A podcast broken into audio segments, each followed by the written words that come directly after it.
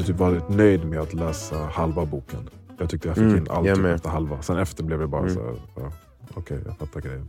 Ja, Men- jag kände faktiskt samma sak. Mm. Mm. Men, Det, in, det var bara ett, ett eh, mer eh, originellt sätt att säga eh, var detached. Mm. Bry dig inte för mycket. Om, försök, försök att inte bli för engagerad i dina problem och låta dem tynga dig för mycket. Han sa det på ett originellt sätt, med en originell vinkel. Och sen så andra halvan försökte han bara försöka få en att förstå poängen man redan hade förstått. Eller Mm. de som kanske inte hade fått den att landa än. Mm, mm.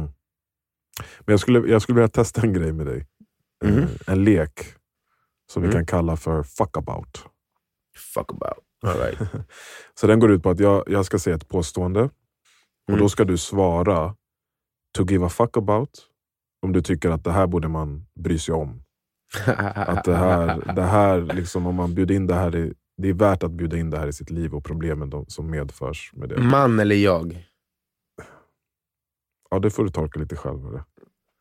Jag känner, att det måste klargöras innan man börjar. För, för att Eh, ta egent- egentligen så har jag inga man. Jag vet inte Du har inga man. Ja, om, du inte om, du om, du har, om du inte har några generella... Liksom, ja, men, eh, Okej, men ta Jag det- jag ser om jag- om jag- dig själv. Ja.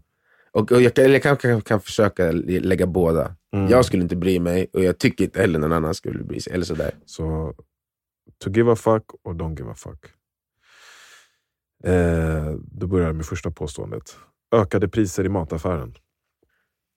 Not give a fuck. Mhm. Kriget mot knark i Sverige. Kriget mot knark i Sverige. Det fick mig att tänka på... Legalize. Jag såg, jag såg en, eh, en artikel där det var de hade en, två killar som hade rökt på i en skog i Göteborg. Och så, så var det en helikopter och fyra patruller som hade jagat dem för att få tag på dem. Så don't give a fuck. Man bara, vad gör ni för något? En helikopter och fyra patruller för två tjommar i skogen. De måste varit livrädda. Alltså. Ja, fy fan vad de så nojigt. Men Ja. nej, nej, don't give a fuck fan. Don't Kom igen. Okej. Okej, liv på Mars. Bry mig. Mm. Give a fuck about. Oh, shit. Yes. Avatar 2. Avatar 2. Ja. don't give a fuck about. Eh, vädret. Don't give a fuck about. Wow. Synliga magmuskler. Don't give a fuck about. 10 000 följare på Instagram. Alltså de här, de här, båda de här två senaste, för jag sa don't give a fuck about synliga, alltså jag säger om, om du vill bry dig om mag, synliga magmuskler för att du tycker att det är kul eller nice, ja bry dig. Om du vill bry dig om 10 000 följare på Instagram, ja, ja bry dig. Men, men båda två så tänker jag, men bry dig inte, alltså, så här, börja inte gråta om inte de finns, för det är inte viktigt någon av dem. Nej, men Men det, är så, ju- det är så leken går ut på. Om du bryr dig om synliga magmuskler, då kommer det vara ett problem när du kollar i spegeln och inte har det. Förstår du? Sen att du kan Okej. få det är ju också ett alternativ, men så länge du inte har det så kommer det vara ett problem. Okay. För mig, för, om jag utgår från mig själv till exempel, Ja. jag, jag har synliga magmuskler, Eh, och om de försvann så skulle jag försöka få tillbaka dem. Betyder det att jag bryr mig? Då bryr du dig. Okej, ja, då bryr jag mig. Men jag skulle inte bli ledsen om de försvann. Alltså, jag skulle Nej. inte vara olycklig ifall jag inte hade dem. Typ så. Det är därför som jag Ja. är tillräckligt för att försöka få tillbaka dem. en miljon eh, kronor på kontot. Jag bryr mig. Så, ja, så länge du inte har ett, en miljon kronor på kontot så är det problem med andra ord. Jag bryr mig om att ha en miljon kronor på kontot. Johnny Depp vs Amber Heard. Bryr mig inte. Don't give a fuck about. Valet 2022 i Sverige. Give a fuck about. Rasmus Paludan. Eh, eh, eh, jag personligen don't give a fuck about. Kriget i Ukraina. Give a fuck about. Sverige vill gå med i NATO. Give a fuck about. 50 Cent på Avicii-arenan.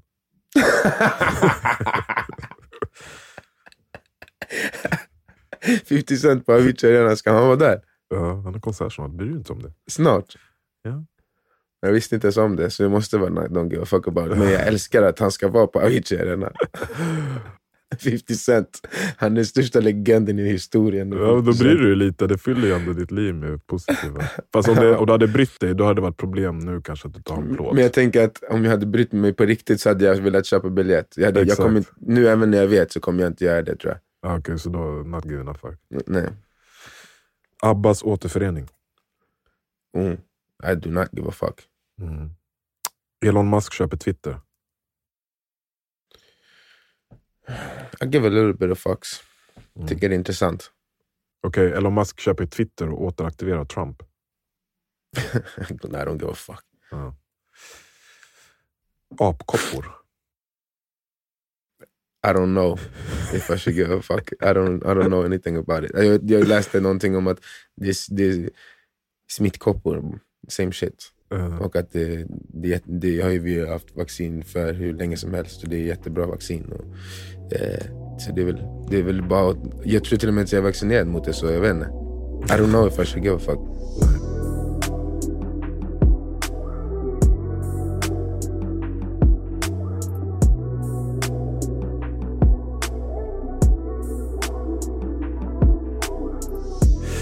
Ja, men intressant ändå. Vi har fan inga fler, men man märker ganska skitkul, fort jag vill ha fler. Ja, jag vet. Det var lite svårt. Men jag, eh, man märker ganska fort att så, det ger en, ändå en övergripande blick av liksom vad, man, vad du fokuserar på vad som är ja, vad för problem du har egentligen. Jag kommer inte ihåg, eh, har du kvar översikten vad jag svarade typ? Alltså en sak, det, det första var ju ökade priser i mataffären. Den tyckte jag var konstigt att du inte give a fuck about. Det har ingen kontroll. Vadå? Nej men Jag jag menar bara kontroll. så här, det, alltså, att du bryr dig. Mm. Att you give a fuck betyder ju att så här, okay, nu måste jag förhålla mig till det här. Nu måste jag tänka på vad jag köper. Och, eh, Jag tolkade det lite annorlunda när jag läste den här boken om give a fuck. För att jag tänkte, jag är inte emotionellt in investerad i det. Jag bara Mm. justerar mig utan att mina känslor blir involverade. ja. På det sättet, all, alla saker som jag menar, det give a fuck, så är mina känslor på något sätt involverade. Mm. Don't give a fuck så är de inte, inte med. Så att Mm. när det kommer till priset i affären, jag kommer inte låta det göra, ge, ge, få mig, ge mig, jag kommer inte låta det ge mig känslosvall. Nej. Därför att jag kommer inte kunna göra något åt saken. Den stunden när jag blir arg, irriterad, stressad över det, den ger mig ingenting. Nej. Så jag, det är bättre för mig att bara kolla, justera mig utan att bli emotionellt investerad. Ja. Men om, jag kan ju säga jag give a fuck. Inte för att jag blir ledsen eller rädd, eller sådär, men för att nu måste jag tänka lite mer på hur jag handlar i Kanske inte ännu, men de, de säger att matpriserna ska skjuta upp i taket. Liksom. Ännu Mm. mer. Mm. Eh, så på så sätt give jag a fuck. Mm. Mm. Eh, Men det är väl också för att du är en familjefar och att så här, eh, matpriserna har ju större inverkan på en, en familj än på en, ett par ogifta eh, mm. människor. För att, eller utan barn menar jag. För att eh, man har mer, det är färre munnar att mätta. Helt enkelt. Så det är väldigt förståeligt. Men det är väl det det handlar om. Exakt det det handlar om. Alltså så här, att vi har, vi har, för att vi ska må bra Mm. så kan vi inte bry oss om allt helt enkelt. Exakt, måste välja. Exakt. exakt. Och eh, Det är ju det jag tycker är, blir fel, till exempel med de här kommentarerna. För Mm. att han har ju skrivit boken efter det han bryr sig om. Mm. Och han har ju inte råd att bry sig om allt. Men så kommer folk Exakt. som och kommenterar det han bryr sig om för att de bryr sig om något annat. Förstår du? Mm. Och, och så, för då har inte han nämnt det de bryr sig om och därför Nej. är det fel på boken. Mm. Ja. Och Det är jättesvårt det där och det här känns ju verkligen som ett eh, samtidsproblem som vi har. Att vi förväntar oss att alla ska bry sig om samma sak som vi bryr oss om. Mm. Ja, det är intressant det där. Det blir ju det blir tydligare nu när vi pratar faktiskt det här med problem och vad man bjuder in och, och eh, liksom vad det har för påverkan i hans liv. Mm. Eh, att det kan ske från alla olika håll. Liksom. Det handlar inte bara om framgång eller spirituell utveckling eller så, utan alla beslut vi tar är eller kommer resultera i någon nyans av problem Mm. Ja, som men verkligen. man behöver stå sig inför. Mm. Nå- men något annat som tas upp i boken också är, eh, som jag tyckte var intressant, Mm. eh, som vi också har pratat en del om egentligen. The backward law. Eh, det är ett koncept från Alan Watts, filosofen som vi tycker väldigt mycket om. Mm. Och Det handlar ju om det här med att, att, jaga, att jaga det positiva är en negativ upplevelse. Mm. Och att jaga det negativa är en positiv upplevelse. Till Men där, exempel, säg, säg, säg den andra igen, att jaga det positiva är en negativ upplevelse. ja, Men är det inte att ac- acceptera det negativa är en positiv upplevelse? Är det att jaga det negativa som är en positiv upplevelse? För då har jag feltolkat det citatet tidigare. Alltså med jaga är ju typ att uppmärksamma det. Så om du uppmärk- jag, jag kan sk- skilja det så här. Till, till exempel, smärtan du utövar på gymmet resulterar i bättre all-around hälsa och energi. Mm. Så att smärtan ger hälsa och energi. Mm. Eller misslyckande i affärer är det som leder till bättre förståelse av vad som är nödvändigt för att bli framgångsrik. Mm. Så att misslyckande ger förståelse. Mm. Förståelse ger framgång. Mm. Att vara öppen med din osäkerhet gör dig nog mer självsäker och karismatisk kring andra. Mm. Att vara osäker, men också att acceptera det. Alltså, jaga är Mm. nog fel ord, men att acceptera din osäkerhet kommer göra att du framstår mer självsäkerhet och karismatisk. Mm. Eh, smärtan av en ärlig konfrontation är det som genererar den största tilliten och respekten i dina relationer. Mm. Det är jättesvårt att ta upp någon jobbig diskussion med, med någon nära dig, men det kommer Mm. också göra att din relation växer. Mm. Att lida genom rädsla och ångest är det som gör att du kan bygga mod och tillväxt. Mm. Att gå emot, det, det pratade vi om senast, liksom, att din rädsla är, pekar mot det som kommer göra att du växer som person ofta. Exakt.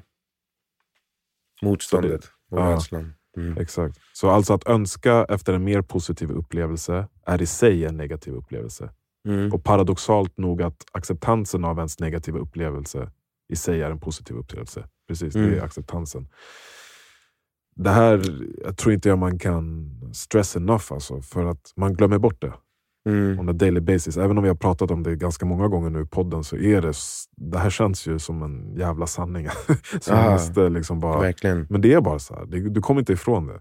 Du kan, du, du kan inte nå lycka genom att jaga lycka. Det går inte. Nej. Och att, Men- liksom, att förvänta sig en katastrof är den största katastrofen. Eller en, är alltid en större katastrof. Mm. Mm. Mm. Liksom om du ska... Om du står inför ett eh, framträdande, låt oss säga, som du har jättemycket ångest över. Tycker det är skitjobbigt. Du är inte van att stå på scenen och du är osäker om du liksom kommer kunna framföra det här. Och du är Mm. orolig liksom, en månad innan, tre veckor, två veckor. Veck, sista veckan är det liksom, du har panikångest nästan. Mm. Och sen gör det här framträdandet som bara varar 30 minuter. Hur jobbigt var det? Efteråt känns det skitskönt. När du Mm. står där på scenen så fattar du typ inte ens att du står där. Men du har oroat dig en månad innan. Mm. Typ sån grej. Mm. Verkligen. Verkligen. Och så, och, vad var det där värt då? All den tiden som du slösade bort på att må dåligt. Ja. Och Det är också det jag tänker mycket, när, som du tog upp när man pratar om ditt eget ansvar och sånt. Det är mer såna grejer jag, jag tänker då. Inte så här, ah, ditt barn dog, det är ditt ansvar att må bra. Inte såna grejer, utan mer de här... eh, just det här hur man väljer att se på, på, på de här binära avvägningarna om vad som är positivt och negativt, vad som är bra och dåligt, vad som är liksom högt och lågt. Att Mm. de, behöver all, de behöver alltid varandra. Alltså att, att du måste lära dig att förstå sambandet mellan alla de negativa upplevelserna du har och de positiva upplevelserna du har. Och Ja. hur de eh, korrelerar. Eller kanske till och med har en så här... De Eh, är att- fan samma sak. Ja, men att de är två sidor av samma mynt och du kan inte Ja. få det ena utan det andra. Men det är lite som vi var inne på eh, för något avsnitt sen också, där vi pratade om att så här, om du vill ha någonting i livet så Mm. måste du se hela grejen och vilja ha hela grejen. Alltså, om du ville bli Ronaldo så måste du se allt han har gjort sedan han var sju år och vilja ha allt det också. Det går inte att hoppa från, från där du är liksom ett barn till att vara eh, Ronaldo, utan du måste vilja ha hela saken. Ja, han pratade om det i boken, den här klättringen. När han hade, han hade romantiserat bild att han var, skulle bli rockstjärna. Mm, Just det. Och så hade han inte riktigt förstått det hårda berg, eh, den hårda klättringen eller jobbet för att komma, komma dit. Liksom. Mm. Och det gillade han inte. Och det är Mm. det man måste tycka om. Det är de Exakt. problemen man måste tycka om Exakt. för att Exakt. ta sig dit. Mm. Så, eller typ, alltså, ja, återigen, ju mer, liksom, ju mer, om du vill bli rik, om du vill ha mycket pengar, Mm. och liksom, desto mer desto rikare du vill bli, alltså tänker tiden jag vill bli rikare, jag vill bli rikare, desto mer fattig och ovärdig kommer du känna dig. Just det. Liksom, o, oavsett hur mycket pengar du tjänar. Just det. Och, och ju, mer, ju snyggare du vill bli, desto mer, ju mer eftertraktad du vill bli, desto fulare kommer du se dig själv också. Även o, oavsett ditt faktiska liksom, fysiska utseende. Det är sant. Eller Och det- så här, ja, Det är paradoxalt, för samtidigt är det så här att det kommer komma avsnitt, eller det har säkert funnits avsnitt här redan, där vi kommer säga så här, du måste veta vad du vill ha. Du mm, måste veta vart du ska, du måste ha en vision. Så det var typ förra avsnittet. Men, det, mm, men samtidigt så är det inte där du ska leva. nej, Det, det, det, och det är alla de här sakerna, och det är väl därför som man... Eh, det är svårare att nå lycka än framgång.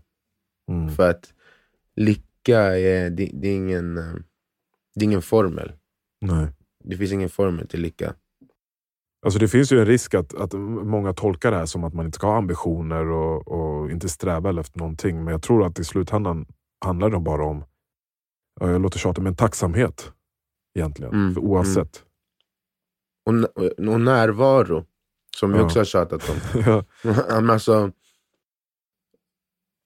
ja, om, du, om du konstant ska leva i, försöka bygga nästa sak och bygga nästa sak. Det som du sa för något avsnitt sen också, då kommer du aldrig kunna känna det där som du är ute efter. När, för att du, alltså vad, vad anledningen till att du ens bygger. Alltså jag tror man kan ha en bild om en väldigt hög höjd. Men du måste liksom... Ja, jag vet inte. Det är, det är så tydligt men ändå så svårt.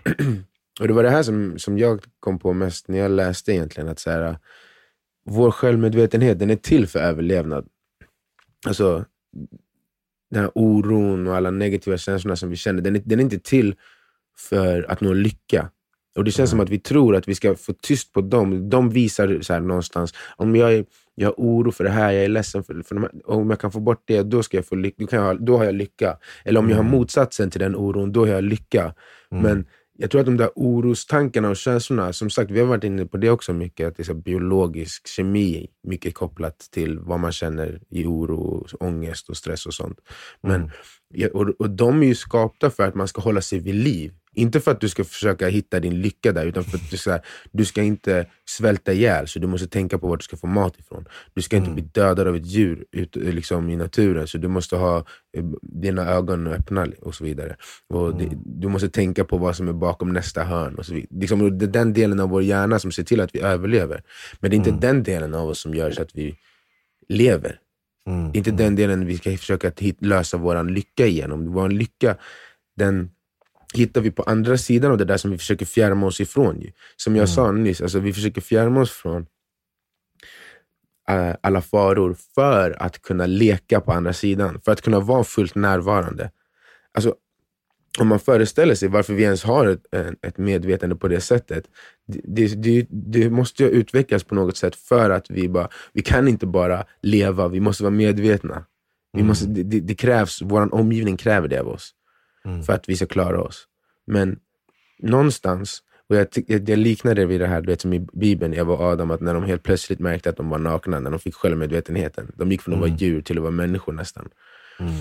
Och det, det, men det är som att vi, vill, vi ska tillbaks till djuret.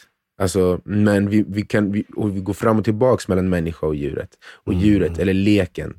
Leken är liksom djuret, där vi är mer på instinkt, där vi inte tänker, där vi inte oroar oss, där vi inte lever i vår värld av alla våra värderingar. Allt som du sa när du var på stranden. Som Mm. jag kände när jag spelade basket, eller som jag känner nu när jag sjunger, eller när man är på scen och gör sin grej. Och man är helt uppsluk, uppslukad i, i stunden.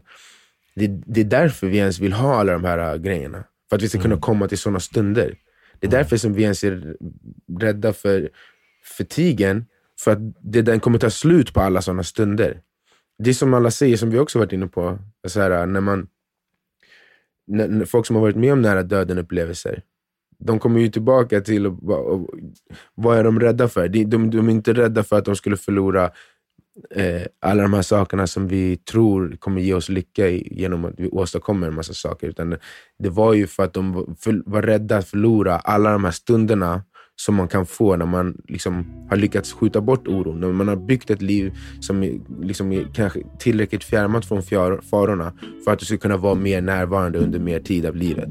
Mm. Men, men mer tillgångar och pengar och skydd mot farorna än vad som krävs för att kunna vara närvarande. Det behövs inte. Det är liksom mm. det. Vi måste... Det är som att vi har fastnat i att vi måste ja. Fortsätta bygga, bygga, bygga, bygga våra, våra murar mot det farliga. Men även fast mm. vid en viss punkt så måste vi börja använda mur, alltså leva innanför de murarna. Vi kan inte bara fortsätta bygga murarna hela livet, för varför har vi ens de murarna?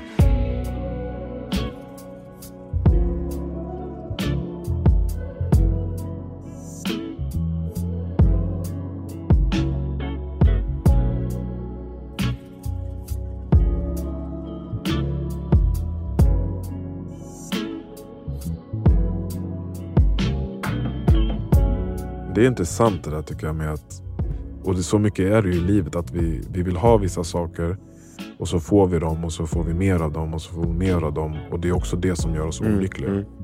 Av någon mm. anledning. Och det är väl för att dels att vi tänker att mer är bättre.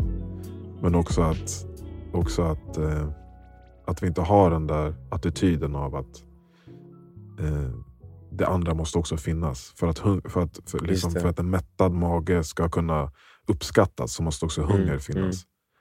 Alltså det, det, jag säger det så, på så många olika sätt för att jag försöker verkligen så programmera det. Nej, men jag förstår exakt vad du jag, det, det har börjat landa i mig, så jag tycker att du, du gör ett bra jobb.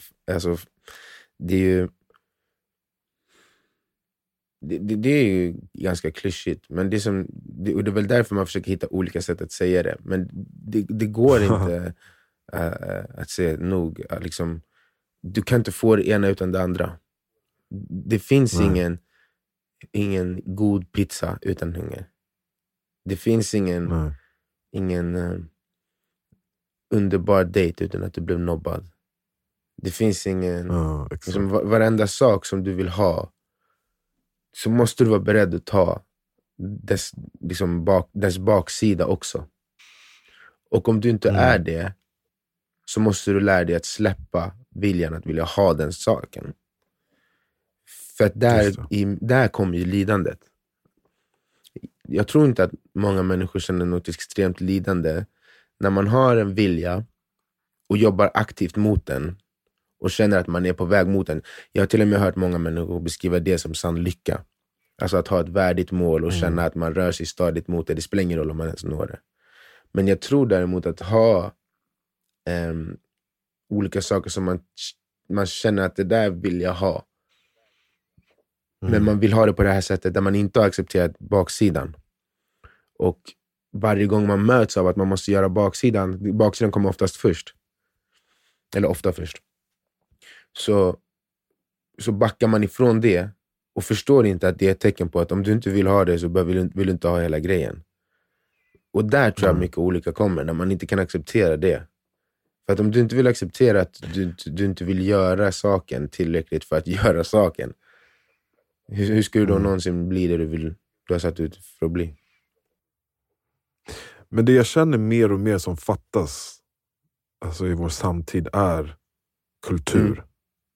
Alltså inte kultur som vi har kultur nu. Alltså det man tänker när man tänker gammalt kultur. De här typ ritualerna, alla ceremonier som på något sätt påminner oss väldigt starkt om det mer själsliga och liksom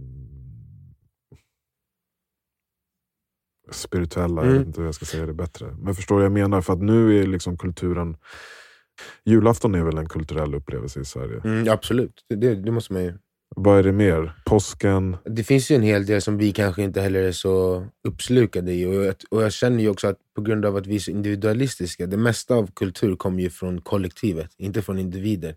Så att vi har ju Mm. massa saker som inte längre värderas eller görs så mycket. Om man, om man ser på så här, ja, men, små saker som kanelbullens dag, det kanske är nytt, men, eller semmeldagen, eller vad det heter, våffeldagen. Och, eller såna här, eh, det finns ju en hel del, vad heter han, Edvard Blom, den här killen du vet, som håller på med mat på tv. Han, han pratar ju Mm, ofta om mm, att så här, eh, vi, han blir galen när folk vill börja fira jul i november. Eller så här. Det var någon som bara, "Men nu är det 28 augusti, nu börjar julen för att du vet, nu är det andra halvan av whatever. Men vad fyller det för högre syfte? Alltså det är det jag menar. Jag menar kultur som, som fyller något högre syfte. där Alltså det gör ju såklart julafton. Alltså om du gör det ordentligt. Att du ska samlas med dina nära och kära, familjen. Du ska ja, jag vet inte, lägga ifrån dig mobilerna och fokusera och göra saker gemensamt och ge varandra presenter och visa Mm. uppskattning till all ära. Men det känns som att den andra sidan av kulturen tar oss bort från Mm. den sidan Men vilken, om man tar bort religion, när har Mm. kulturen gett så mycket mer? När i mänsklighetens historia har den gett så mycket mer? Om man tar bort religionbiten. Alltså ibland ser jag kultur och religion som samma Mm. sak Mm. på något sätt. Men för, för det är det som jag känner mer än att så här, det är kultur. Eller jag håller med dig när du säger kultur. Alltså jag menar typ så här, Mm. innan jag tappar det. Om julafton, om vi hade tittat upp mot skyn Mm. lite mer och typ så här, äh, tack Mm. Jesus, Mm, tack. Gud. Bort ifrån ett religiöst liksom, eh, Mm. syfte. Men Jag förstår vad jag menar, att vi behöver något i kulturen som inte... Jag jag fattar, vet inte, någonting det- som har ett känns som värde som, inte är baserat på det här som vi pratar om, att typ fjärmas makt eller pengar som, eller, eller konsumtion. Alla de här sakerna som är tecken på att vi är så långt ifrån fattigdom och misär som möjligt. För att mer eller mindre, det som, det som jag hör dig säga är allting baseras på hur rik, eller stark, eller snygg eller whatever du är. Allting som kan ge dig fördelar i den kapitalistiska världen vi lever i. Alltså om du är snygg så kan du tjäna pengar på det. Om du har makt så kan du tjäna, tjäna pengar på det. Om du är smart så kan du tjäna pengar på det. Men om du är en god människa, det kan du inte tjäna pengar på, så det är ingen som bryr sig. Mm. Om du, om du är, är väldigt eh, vis och kan hjälpa och ge folk råd, du kommer inte tjäna pengar på det.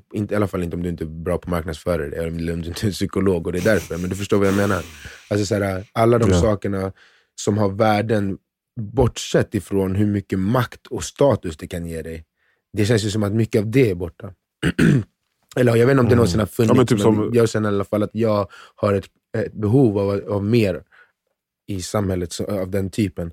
Och det, det är ganska intressant att du säger exakt så, för det som jag hade tänkt när jag läste var att det här med don't give a fuck. Om du kollar på barn, they don't give a fuck. Alltså, Mm. när de är uppslukade av det de är uppslukade av, eller när de är begeistrade av det de är begeistrade av, eller de vill ha den där saken de vill ha. de har inte lärt sig än, de har inte blivit sårade nog av världen än, för att få så negativa eh, svar på att de uttrycker sina viljor och sina wants, och, så- och, eller att de är uppslukade i någonting. Så att de gör det så helhjärtat och bryr sig inte om något annat. Och Mm. igen, det vi har varit inne på att vara, som en, att vara barnlik är en dygd och att det är en, del, en väg till lycka. Och det kändes som att den här boken försökte förklara det på ett sätt. att vi, det, det är som att vi har, igen, vi har den här yttre resan där vi måste skydda oss och komma till, nå framgång. Och egentligen, som jag ser det, yttre materialistisk framgång, det handlar ju bara om att nå antingen status eller vara så långt ifrån döden och, och, och olycka som du möjligtvis skulle kunna vara. Alltså så här, ha pengar nog och hem och, du vet, allt så att du aldrig kommer vara utsatt för någon fara och du kommer, allting kommer vara smidigt och allt sånt. Eller så är det status. Mm. Det är nå- någon av de två grejerna. När det inte längre är bara att överleva. Men att den där, det där är ena delen av livet och den andra delen av livet det är någonting mer. Det måste vara någonting mer än att bara överleva. Det är där man hittar lyckan. Och Det är som att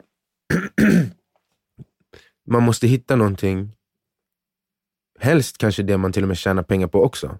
Men man måste hitta en del av ens liv som är lek. För det känns som att, precis som barnen är där, när de, alltså, de lyckas stänga ute allt och de lyckas vara helt närvarande. Och vi har ju varit inne på att närvaro på något sätt ger någon slags lycka. Och för att nå den Mm. så tror jag att det är lättare via ett lekfullt sinnestillstånd än någon, någonting annat. Alltså där man, för att i det lekfulla sinnestillståndet, så- är, för mig i alla fall, som jag upplevt och som jag upplevde som barn, så det är då som allting annat är som längst bort. Alltså när, när jag spelade basket som liten, eller fotboll ute på gården, eller körde tj- tjuv och polis, liksom, då fanns ju inget annat. Man visste inte ens vad klockan var. Man, Mm. det, man kunde ha lekt i fem timmar och sprungit i fem timmar. Man kunde inte ens känna att man blev trött.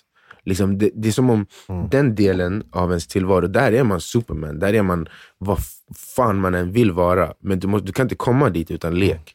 Och då, därför, om, om man då zoomar ut från bara barnleken där till det vanliga livet, eller hela livet, så tror jag att om du inte har lek, om du inte har någonting som du konstant kan komma till som ger dig den där närvaron.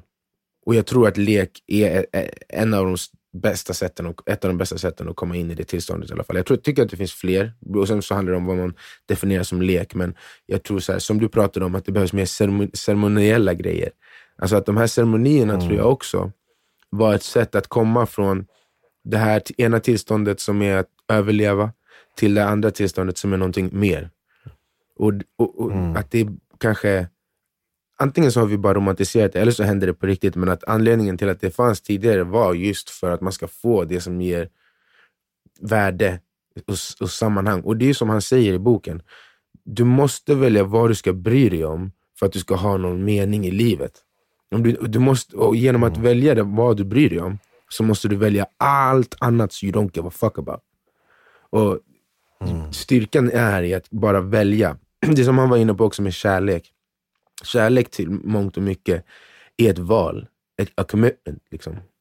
Och du, du måste vara villig att välja bort varenda annan möjlig relation på, det, på, den typen av relation du någonsin igen ska ha. För att välja en. Men den ena kommer ha så mycket mer djup och, och, och ge så, ja, men, så mycket djupare upplevelser än en miljon av de andra. Och det är lite som med, med livet också. Du måste hitta någonting som kan ge dig den där närvaron och leken i, i livet. Samtidigt som du måste kunna bygga den här, det här skyddet och muren mot omgivningen. Men att fortsätta bara bygga eller, eh, kommer, inte, kommer inte ge någonting. Och att bara tro att du ska bara, som du var inne på, att bara kunna leka hela tiden.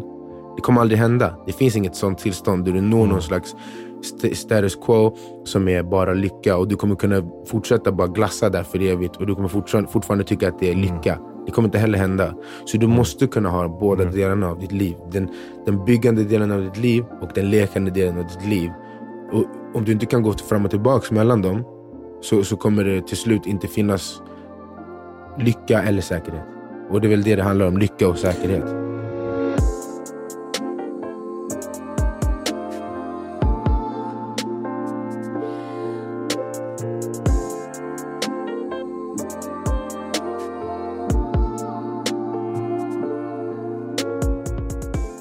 Ja, exakt.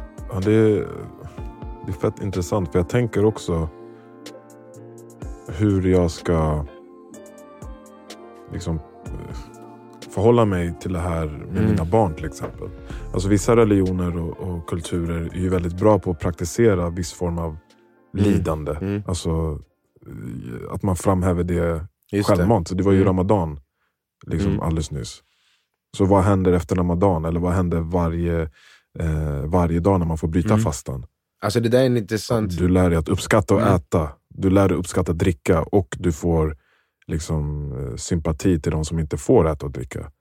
Och jag, jag, fick identifiera det i, i vårt eh, samhälle generellt. Så här, vad skulle vara eh, liksom, Mm, mm. kulturellt bra för oss alla att utöva lite oftare och lite mer systematiskt för att vi skulle få distans från den här konsumtionskulturen och hej, mitt liv är bättre än ditt.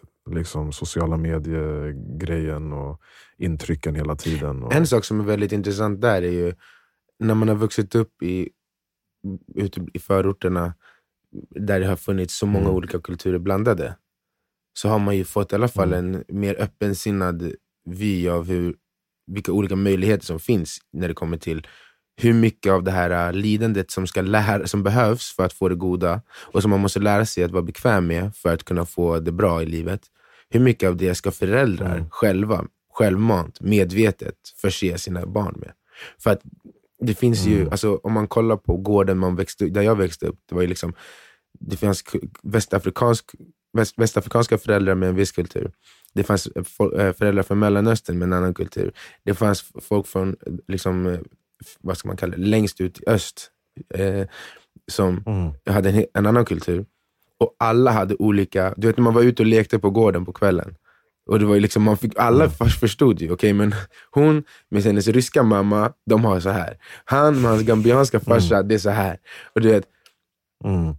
på något sätt så, i det där så lärde man sig att det finns ingen rätt eller fel i det där. Det handlar bara om olika Mm. mått av hur mycket av världens tuffhet ska jag lära mitt barn innan det behöver lära sig det helt på egen hand utan mig. Och att det, det är Mm. väldigt lätt att döma. Speciellt tycker jag det här om, de, om extremerna. Alltså de som hade föräldrar Mm. som whooped their ass och de som hade föräldrar som bara, mitt barn ska inte göra något, ska få göra vad de vill. De måste ju ha frihet och få, få uttrycka sig själva. Och så bara, ja men Sune sulade en sko genom näsborren på hans klasskompis. Du måste säga något. Alltså så här, det, Mm. det, det, och de står alltid och kollar på de andra sidan och bara, de är sämst. Alltså jag kommer ihåg hur Mm. folk som fick stryka sina föräldrar bara garvade åt de som, som fick göra vad de ville. Alltså båda tyckte att deras egen var det bättre. Typ. Alltså, Mm. Tills man lärde känna, blev äldre och förstod de här eh, lärdomarna. Men det, det är väldigt intressant att du tar upp det, för det, det är någonting som jag tänkte på redan då som barn. Att så här, det är sjukt hur olika, hur mycket, hur mycket av, av, hur mycket av jobbet föräldrar tar på sig. Det skiljer sig så mycket. Vissa föräldrar tycker att Mm. hela jobbet handlar om att jag, jag måste lära barnet att hur världen funkar. Jag måste lära barnet, när, alltså, om de gör ett fel kommer det komma konsekvenser. Och tills att världen ger dem konsekvenser så är det jag som ger konsekvenserna. Och de konsekvenserna ska vara Mm. Tillräckligt starka för att de ska känna det som de behöver känna när de står inför samma situation i deras vuxna liv. Sen så finns, fanns det andra som är så här, så, som var alldeles för rädda för att deras beslut om, vad, om hur mycket barnet skulle behöva lära sig kommer leda till trauman, som kommer leda till att de hatar dem, som kommer leda till att de har en dålig relation. Så därför så gör de ingenting. Och säger inte till barnet att göra någonting och säger inte, försöker inte leda dem ens överhuvudtaget. Utan det är bara, "Ah, okej klockan är två på natten på en tisdag och du vill spela tv-spel. Jag, eh, jag tycker inte du ska göra det. Ungen säger fuck you! Och så bara okej, jag tänker inte eh, gå in i clinch här nu för att jag hade rivit tv-spelet ur väggen. Och det, det, liksom, det, finns, det måste finnas ett mellanläge mellan de här utan att man ska döma varandra så mycket. För Jag kommer ihåg att på den tiden det var verkligen de som hade de extrema som, som bara såg typ ner på varandra. Och jag, jag tycker det i Sverige överlag att så här, vi har en viss attityd till barnuppfostran där allt annat är jättedåligt. Och varje, varje som, ja, men, som de går in på i boken, man, man får inte vara för säker i sina uppfattningar om hur saker och ting är. Och jag tycker att alla är det. Det är det jag sitter, mm. det är det jag sitter och funderar på här. Vilken typ av lidelse ska jag för att de ska kunna, kunna få perspektivet? Ska jag svälta dem? Ska de göra kallbad? Ska de eh, behöva liksom vandra med en tyg Ja, ryggsäck ja. med stenar i? Du vad jag menar? Jag decisions, tänker decisions. metaforiskt. För att om jag Mm. inte gör det på Mm. något sätt, they're gonna be weak. Alltså jag, jag vill inte vara... Och de kommer inte lära sig uppskatta den här Mm. uh, privilegiet vi Mm. har. Alltså det, det är klart, det kan ske. Men det känns som att... Nej, men jag, jag håller med. Och det, det, det måste vara jävligt svårt att välja hur. hur alltså, speciellt när, när det är så många runt omkring som kommer och bara... Du, du ska inte säga någonting, det ska vara helt fritt. Du ska inte bestämma någonting. Mm, Eh, för det är det jag hör mest nu för tiden. mm, just det, du jobbar i skolan. Ja, det känns som vi är klara med den här boken idag. Ja, den var... som sagt, inte mycket nytt men eh, ändå ett färskt sätt att eh, se på livets oundvikliga lidande. Mm. You know what, I don't give a fuck. I don't give a fuck. Mm. I still give a fuck. Ja, det är många douchebags som säkert har fått uh, luft av den här boken också. Så, Vadå? Vadå? I don't give a I don't have to give a fuck. No. Men det var ju det han sa. Det handlar inte om att not give a fuck about anything. Det handlar om att veta vad du give a fuck about. So you can not give a fuck about all the other shit. Peace!